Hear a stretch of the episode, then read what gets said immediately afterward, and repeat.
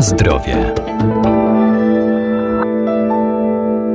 Nordic Walking pozytywnie wpływa na nasze zdrowie i samopoczucie, między innymi poprawia ruchomość stawów, zwiększa spalanie kalorii, czy też wspomaga układ krążenia, a po dobrym opanowaniu techniki uaktywnia mięśnie całego ciała, ale do prawidłowego uprawiania tej aktywności ważny jest odpowiedni dobór kijów i właściwe ich zastosowanie oraz odpowiednie obuwie.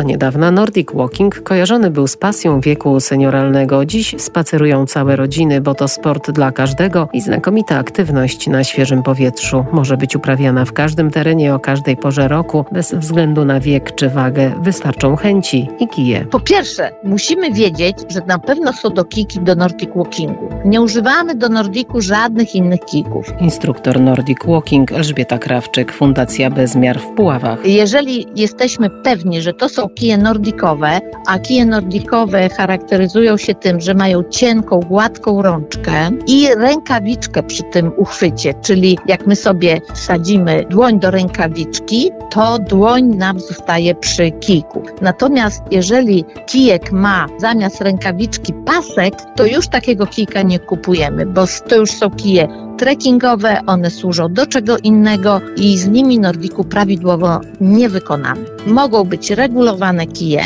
i mogą być kije o stałej długości. Kije regulowane są lepsze troszeczkę dla osób początkujących. Zaczynamy zawsze na ciut krótszych kijach chodzić. Natomiast jak już nabierzemy sprawy, to wtedy możemy te kiki troszeczkę wydłużyć. Dlatego myślę, że osoby początkujące, no jednak troszeczkę lepiej, y, jak sobie kupią kije regulowane. Mm, generalnie jest taka zasada, że stawiamy kije przed sobą na równym podłożu i między ramieniem a przedramieniem powinien być kąt prosty. Ale mówię, to też jest indywidualne, więc tutaj też instruktor pomaga dobrać te kije, bo każdy jednak troszeczkę, jeden ma dłuższe nogi, drugi ma troszeczkę dłuższe ręce i każdy też powinien zobaczyć, na jakiej długości kija jest mu wygodnie chodzić, ale to się nabiera wprawy dopiero jak już się troszeczkę chodzi z tymi kijami. Natomiast jeżeli my mamy kije już nieregulowane, o stałej długości, no to są to kije już tylko dla nas,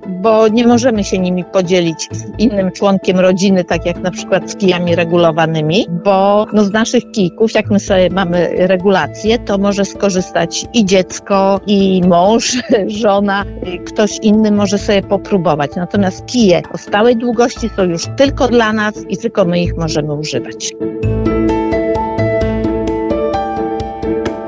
Na zdrowie.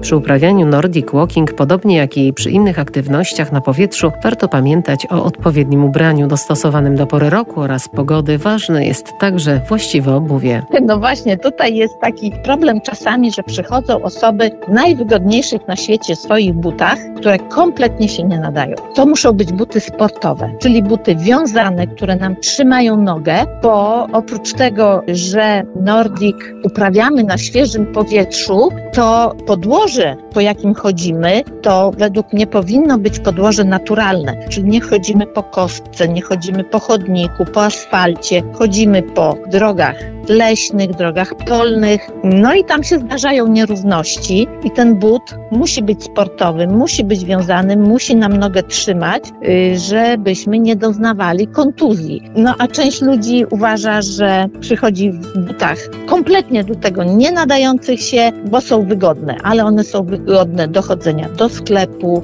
na spacer, po zakupy, natomiast na pewno nie, nie na Nordic. No jest to aktywność sportowa, tak samo jak biegacze zakładają buty do biegania, no to my zakładajmy przynajmniej na początek buty sportowe. Jak już chodzimy dłużej później, no to są nawet specjalne buty do Nordiku, które mają wzmocnioną piętę, no bo my stawiamy nogę z pięty i tak mają specjalnie troszeczkę wyprofilowany, żeby ta stopa się fajnie przetaczała. No ale to już jest dla osób, które już chodzą dłużej. A tak rekreacyjnie to dobre, sportowe buty, wiązane i oczywiście wygodne.